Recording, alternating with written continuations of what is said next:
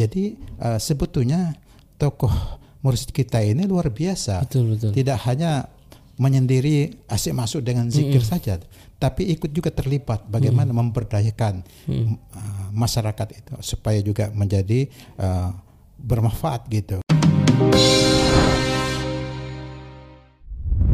Assalamualaikum warahmatullahi wabarakatuh. Waalaikumsalam warahmatullahi wabarakatuh. Alhamdulillah wassalatu wassalamu ala Rasulillah wa ala alihi wa ashabihi wa mawala.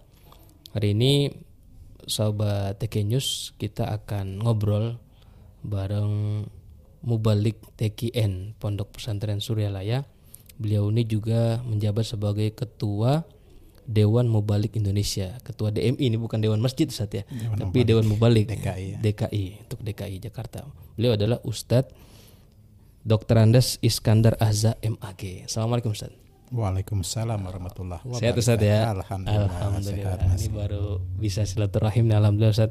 Saya Waktu itu pernah minta juga Ustaz untuk ngisi podcast mungkin karena kesibukan Ustaz akhirnya eh, baru sekarang alhamdulillah Allah Ya, takdirkan bisa pertemukan Ustaz.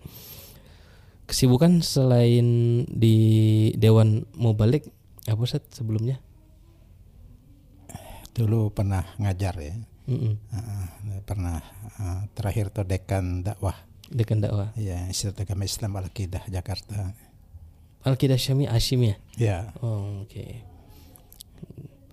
ya dan dosen ya, ya itu Masya aja. Masya Allah. Selain itu juga ya khotib Hatib. Nah ini penting nih, karena mau balik saja. betul Mau ya balik. mau ya. balik. Banyak orang mau balik juga disebutnya belum balik katanya. betul betul. belum balik. Artinya ketika dia menyampaikan sesuatu bukan membuat kedamaian, ke- tapi justru bikin risuh, bikin bikin gaduh. Ah, ini. Menurut Ustadz, eh, apa yang paling penting bagi seorang mubalik di dalam berdakwah? Ya, saya pikir yang paling penting itu adalah bagaimana dia punya komitmen untuk merubah moralitas maupun akhlak dari jamaahnya menjadi lebih baik. Hmm. Jadi kalau dia berceramah di sebuah instansi misalnya, Mm-mm. ternyata instansi itu korup pimpinannya, berarti dia gagal dalam Oke, dakwahnya. oke. Ah, mungkin tidak nyambung ya antara materi dakwahnya atau materi khutbahnya dengan kondisi lapangan yang ada gitu. Mm-mm. Karena itulah menurut Zainuddin MZ yang saya kutip, yang saya kutip bahwa dakwah itu adalah memberi solusi terhadap persoalan kehidupan yang ada di masyarakat. Mm-mm. Karena itulah dakwah itu harus aktual, faktual dan kontekstual. Mm-mm. Nah, sehingga dengan cara itulah uh, jamaah itu mendapatkan pencerahan dari sang mubalik itu. Mm-mm. Jadi sifatnya nggak Bukan justru tambah membuat masalah baru tadi gitu, tapi dia solutif sifatnya, Nah, bukan bukan problem baru. Ah, iya. Jadi bagian dari program program problem solver ya. Ya, Bukan persis. jadi problem maker. problem. betul betul Artinya ketika ingin berdakwah itu eh, persiapan lahir batin Ustaz ya. betul ya. Dan tadi penting tuh punya komitmen untuk eh, Merubah. merubah. Walaupun perubahan itu bukan di tangan kita Ustaz ya. Bisa jadi. Tapi ada ikhtiar itu. Tapi ada ikhtiar Sehingga dari situ timbul girah semangat kita, Oke. keikhlasan untuk berjuang dalam bidang dakwah itu. Kalau enggak itu susah. Kalau yang jauh dia nggak mau kita kan. Ah, kalau yang bisa rohnya kecil juga dia nggak mau. Oh gitu. iya, Itu amplopnya itu yang amplopnya doif Ustaz. Betul. Ya. Kalau yang amplopnya sohih Iya, kalau yang sahih dia bawa hadis-hadis yang sahih. Kalau yang doib ya hadis doib pun kacau juga jadi kan. Masya Allah. Artinya eh saya ingat tuh eh, pesan Abah kalau nggak salah itu eh, ketika kita mau jadi khotib gitu, jangan apa namanya, jangan eh, jaga keikhlasan. Betul. Karena yang diterima itu bukan yang ceramah, Betul. bukan yang jadi imam, yang diterima itu yang ikhlas. Itu alasannya. Yang keikhlasan tuh, masya Allah. Keikhlasan ini yang pentingnya. Eh, salah satu tulisan Ustadz Azza itu menarik tuh kemarin Ustadz terkait dengan kemerdekaan Indonesia. Ya. Apa arti kemerdekaan Ustadz? Kemerdekaan sebetulnya adalah terlepas dari belenggu penjajah, termasuk kemerdekaan untuk beribadah, bekerja, beraktivitas tanpa ada gangguan dari pihak mana pun. Mm-mm. Sehingga mereka bisa lelu- leluasa untuk berkiprah dalam kehidupan bermasyarakat Hmm. itu, termasuk berbangsa dan juga bernegara. Jadi pengertian merdeka itu ada bebas. Ah, mungkin juga dari kita yang orang-orang TKN itu orang yang bertauhid itu juga punya kebebasan. Hmm. Tidak ada yang ditakuti selain hanya Tuhan Allah SWT. Sehingga juga dia punya kebebasan untuk berbuat bertindak asal tidak melanggar syariat. Itu Oke. yang kuncinya. Jadi kalau selama orang eh, masih ada rasa ketakutan, takut miskin, takut dicaci, betul. takut Itu belum dimaki, merdeka. belum merdeka. Masih terkungkung dengan kepentingan duniawinya dia. Hmm. Jadi orang bisa berjuang totalitas sebetulnya ketika dia sudah merdeka. Persis ya. Oke. Apa yang harus kita lakukan supaya kita bisa meraih kemerdekaan itu? Ya sebetulnya yang penting untuk kita lakukan itu bagaimana pertama mensyukuri dulu nikmat kemerdekaan itu. Sebab dengan mensyukuri itulah kita akan sadar tanggung jawab kita sebagai anak bangsa ini untuk melanjutkan perjuangan para the founding father itu di dalam merumuskan tujuan kemerdekaan itu sendiri gitu kan. Nah, nah, kalau boleh saya juga akan menyampaikan bahwa tujuan kita berbangsa itu sebetulnya Nah, uh, sudah termaktub dalam pembukaan Undang-Undang Dasar 45 itu sendiri. Mm-mm. Nah, untuk itu setiap warga bangsa harus sadar dan mengetahui substansi dari pembukaan Undang-Undang Dasar 40 Undang-Undang Dasar 1945 itu. Mm-mm. Nah, pembukaan Undang-Undang Dasar 1945 bahwa kemerdekaan itu adalah hak segala bangsa. Maka oleh sebab itu, penjajahan di atas dunia harus dihapuskan karena tidak sesuai dengan pri kemanusiaan dan pri keadilan. Dan perjuangan pergerakan kemerdekaan Indonesia telah sampailah kepada saat-saat yang berbahagia menghantarkan rakyat Indonesia ke depan pintu gerbang kemerdekaan negara Indonesia yang merdeka, bersatu, berdaulat, adil dan makmur. Atas berkat rahmat Allah yang Maha Kuasa dan didorongkan keinginan luhur supaya berkehidupan kebangsaan yang bebas, maka rakyat Indonesia menyatakan dengan ini kemerdekaan. Kemudian daripada itu, untuk membentuk suatu pemerintahan negara Indonesia yang melindungi segenap bangsa Indonesia dan seluruh tumpah darah Indonesia, dan untuk memajukan kesejahteraan umum, mencerdaskan kehidupan bangsa, dan ikut melaksanakan ketertiban dunia berdasarkan kemerdekaan, perdamaian abadi, dan keadilan sosial. Maka disusunlah kemerdekaan kebangsaan Indonesia itu dalam satu undang-undang dasar negara Indonesia yang bertumpu kepada negara Indonesia yang berkedaulatan rakyat yang juga berdasarkan kepada ketuhanan yang Maha Esa, kemanusiaan yang adil dan beradab, persatuan Indonesia, kerakyatan yang dipimpin oleh hikmah kebijaksanaan dalam permusyawaratan dan perwakilan, serta ikut mewujudkan keadilan sosial bagi seluruh rakyat Indonesia. Nah, di sini sebetulnya kunci dari tujuan kita berbangsa dan perlunya kita mengisi kemerdekaan itu dengan apa yang sudah kita miliki saat ini, yaitu kemerdekaan itu sendiri. Jadi ketika kita ingin menjalankan sebagai Ikhwan TKN, kita kan punya tugas untuk mengamalkan tanbih. Ya. Di antara pesan tanbih itu kan kita eh, menjalankan perintah agama dan negara. Betul. Kita harus paham pembukaan ini ya? Betul, persis.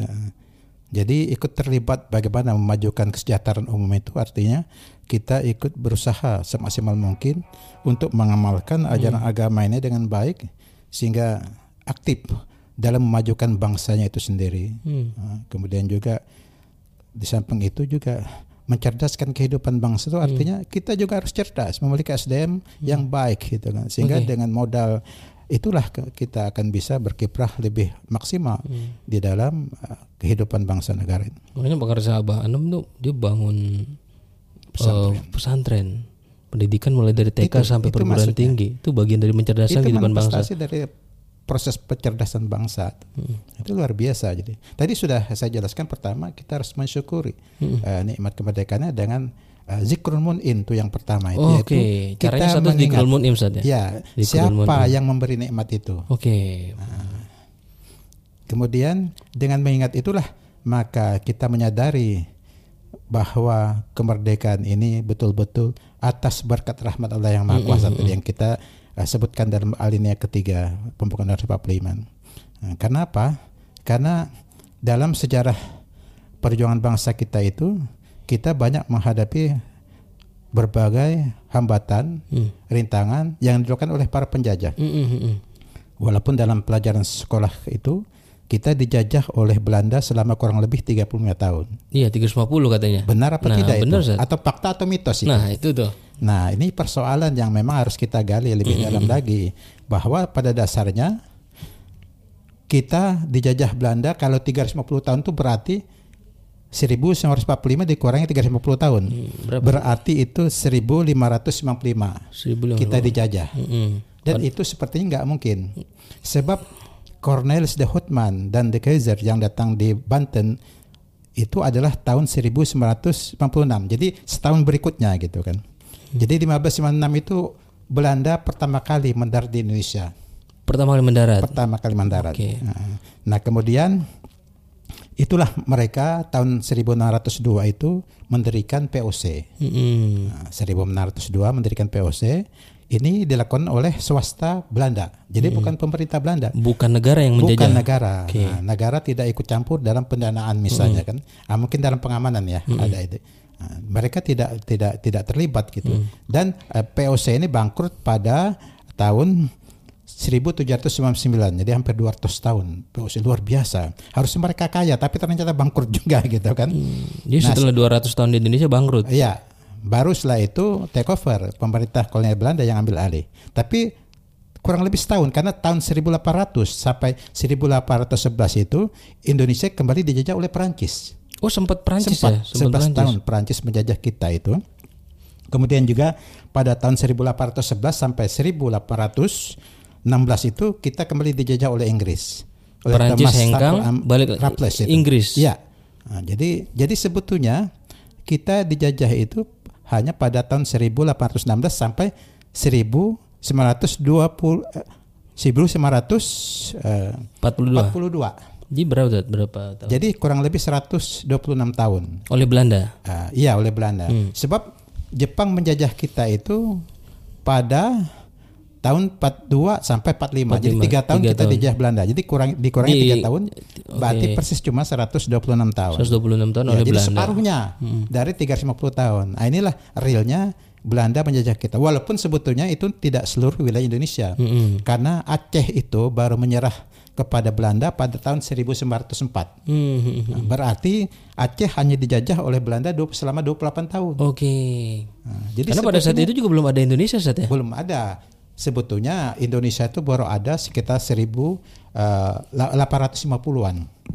Jadi tahun 1850 itu ada jurnal ilmiah yang terbit di Singapura. Di mana ada seorang tokoh James Richardson Logan itu dia memberi nama Indonesia Hmm, Oke. sebelumnya Indonesia.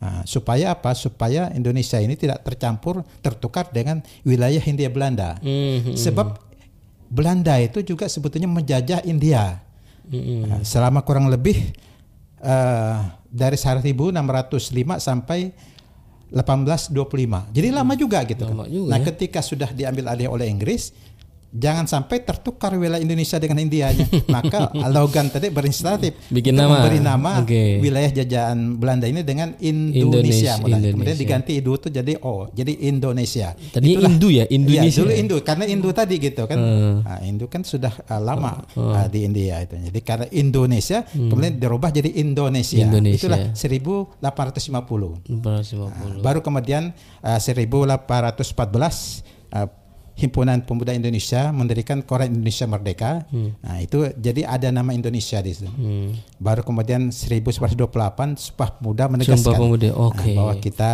berbangsa satu, bertanah air satu, tanah air Indonesia. Itulah Hmm. sebetulnya uh, Indonesia baru resmi sebagai uh, negara yang disebut Indonesia gitu ya. tahun Hmm. 1928 ketika Sumpah Pemuda itu.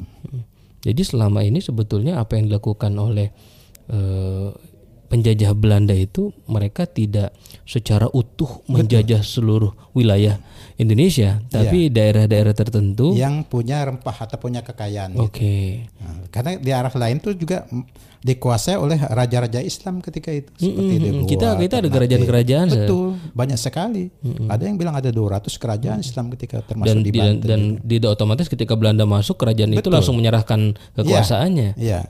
Nah, memang mereka itu awal-awalnya terjadi eh, tukar menukar kan eh, jual beli gitu kan walaupun kemudian ada juga dilakukan dengan barter ya lama-lama eh, akhirnya mereka merampok tadi gitu kan Ya. nah, itulah seperti melahirkan penjajahan tadi dengan paksa eh, mengambil merampas rempah-rempah untuk kepentingan negara mereka di Belanda sana. Oke, kita balik ke hari ini Ustaz. Kalau melihat kondisi hari ini, apakah saat ini kita masih dalam keadaan terjajah Ustaz? Ya sebetulnya secara fisik kita mas, sudah merdeka ya. Secara fisik kita merdeka. Tapi secara ekonomi, ah, secara budaya ah, kita belum merdeka sepenuhnya gitu kan. Nah, di sinilah kita perlu yang ketiga itu adalah hibzun nikmah. Bagaimana menjaga nikmat kemerdekaan ini supaya dia tetap lestari.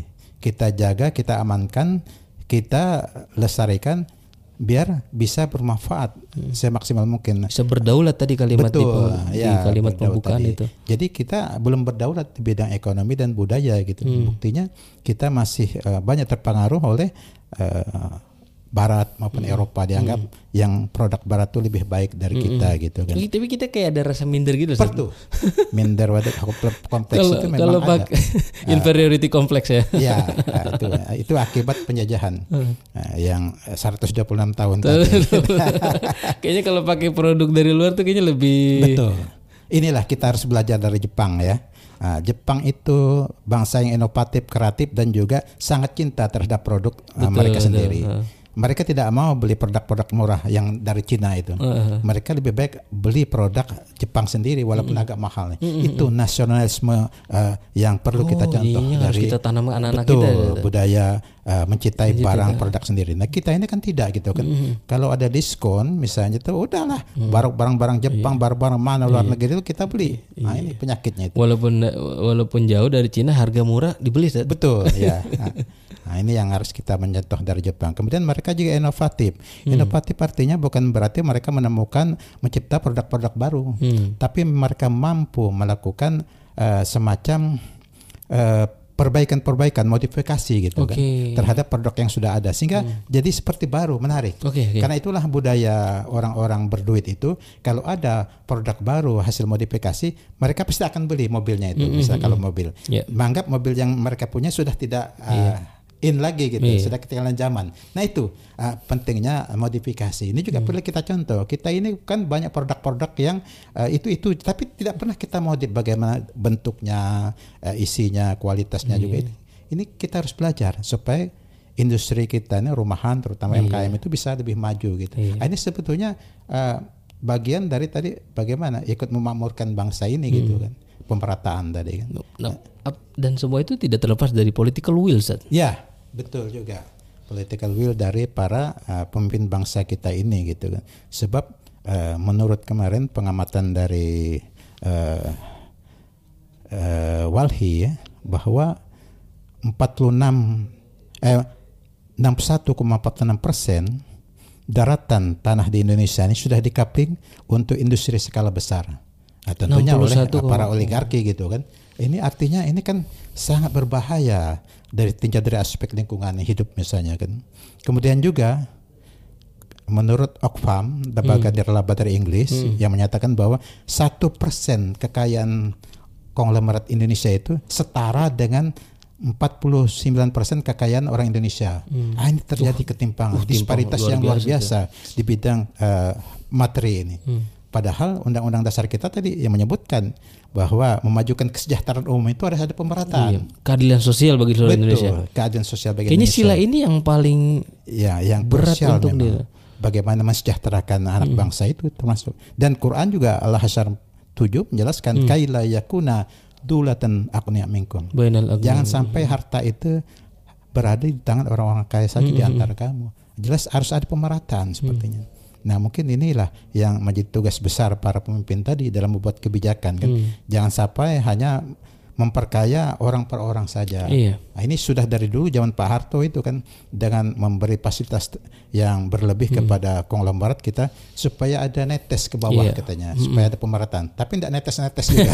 Kalau netes sedikit aja. Ternyata sudah ditadangin Iya. ditadangin duluan. Udah Jadi kan kan? juga gitu Udah nadangin juga. Nah, ini, ini, ini, ini. Yang Kayaknya saya- memang eh, saya tertarik tuh jadi ingat tanbih tan di setiap Iya. tanbih itu kita selalu mendoakan pemimpin negara Ustaz. Betul. Nah, apakah ini juga sebagai isyarat kalau ikhwan ini ya harus nyemplung juga Betul. supaya menjadi bagian dari membuat kebijakan yang eh, kema- maslahat gitu. Ya, kita kadang-kala berjuangnya itu hanya di lingkaran luar, Iya. outsider gitu. Betul. Tapi tidak pernah menjadi insider. Mm-mm. Karena dianggap eh, itu bagian dari kezaliman. Ini juga nggak benar. Itu pemikiran terlalu ekstrim radikal. Karena contohnya Abah Anam sendiri banyak terlibat dalam eh, politik dan juga dalam kebijakan-kebijakan publik yang berada pada zaman Orde Baru. Bahkan beliau itu pernah mendapat Kalpataru kan Betul. tahun 1980 karena peduli terhadap lingkungan. Kalpataru ini bahasa Sanskerta adalah pohon perlindungan. Hmm. Karena itulah IKN salah satu simbolnya adalah Kalpataru itu pohon Oke. supaya maksudnya bisa melindungi rakyat Indonesia. iya. Nah, itu itu uh, filosofisnya seperti itu gitu. Kemudian Abah Anam juga mendapatkan Satya Lencana karena peduli terhadap uh, uh, sosial gitu. termasuk juga inabah itu kan. Jadi uh, sebetulnya tokoh mursyid kita ini luar biasa. Betul betul. Tidak hanya menyendiri asik masuk dengan zikir saja, tapi ikut juga terlibat bagaimana memberdayakan uh, masyarakat itu supaya juga menjadi uh, bermanfaat gitu kan ilmu yang didapat untuk kemaslahatan bersama tadi. Nah inilah yang menurut saya perlu ada keterlibatan kita bagaimana memperbaiki bangsa ini tidak hanya uh, mengkritik uh, pemerintah tapi juga memberi solusi yang terbaik. Bagaimana seharusnya. Karena itulah dalam terminologi pemikiran Islam Ahlussunnah wal Jamaah itu kita dilarang untuk melecehkan menista Betul. pejabat itu. Tapi justru harus mendoakan. Nah, dengan mendoakan itulah uh, mungkin Allah akan menggerakkan uh, kolbu para pemimpin bangsa itu Iya. untuk lebih peduli terhadap rakyat. Karena memang itu komitmennya. Nah, karena itulah sebetulnya uh, komitmen terhadap perlindungan tadi juga disampaikan oleh Kiai Haji Ali Yapi ya bahwa hibzul bi'ah kepedulian terhadap lingkungan itu adalah pada dasarnya bisa menjadi bagian dari iman. Kemudian juga Mem- menjaga lingkungan. Menjaga lingkungan itu adalah bagian dari, iman. dan itu merupakan kebaktian. Jadi orang yang kurang menjaga lingkungan imannya kurang. Itulah kualitas iman se- iman seseorang itu tergantung sejauh mana dia kepedulian terhadap lingkungan, Hmm, hmm. Nah, kebersihan lingkungan. Oke. Makanya pengarsa abah sampai dapat Karpatara itu karena, karena, punya perhatian dia- yang tinggi terhadap lingkungan. Iya, peduli terhadap lingkungan. Oleh sebab itulah bagi kita sebagai Ikhwan TKN saya pikir tidak hanya eh, komitmen kita kepada eh, lima aspek itu kan di mana hibzul din, hibzun eh, Hibzun eh, nafs. hibzun akal, hibzun mal dan hibzun nasl itu tetapi ada hibzul yang keenam yaitu hibzul bi'ati. Hibzul bi'ah, Nah, bi'ah. Nah, itulah eh, apa yang digagas oleh Haji Lapi, eh, Kiai Haji Ali Yapi itu supaya menjadi bagian integral kepedulian kita di dalam memahami syariah, maqasidus syariah itu harus peduli terhadap lingkungannya ada sekitar kita. Sebab kalau lingkungan rusak, maka penjagaan terhadap lima aspek ini juga akan rusak. Betul betul. Jadi itu dia itu sangat penting. Sehingga uh, tugas kita bagaimana ikut berpartisipasi dalam membersihkan udara Jakarta ini. Nah, karena itulah besok tanggal 1 September itu akan ada tilang bagi yang uh, Knalpot. pot- knalpotnya itu dianggap tidak luar, layak, eh, tidak lolos uji emisi batas, mm-mm. akan didenda kan dua ratus lima puluh ribu ya Iya. Masya Allah. Ah, itu lah. Memang itu actionnya harus seperti itu untuk mendidik masyarakat agar peduli. Sebab kalau tidak dididik seperti itu, mereka eh, sering mengabaikan. Iya, pohon-pohon malah banyak ditebang. Ustaz. Memang itu tugas pemerintah. Karena itulah eh, ada refleksi tentang lingkungan ini eh, ada semacam eh, puisi yang yang perlu juga saya sampaikan Oh, di sini. puisi. Hmm, menarik. bahwa kalau dulu kita berjalan ke pedesaan, Hmm. nampak alam yang indah menakjubkan. Masya Allah. Di kiri kanan jalan, sawah menghijau, luas terbentang. Hmm.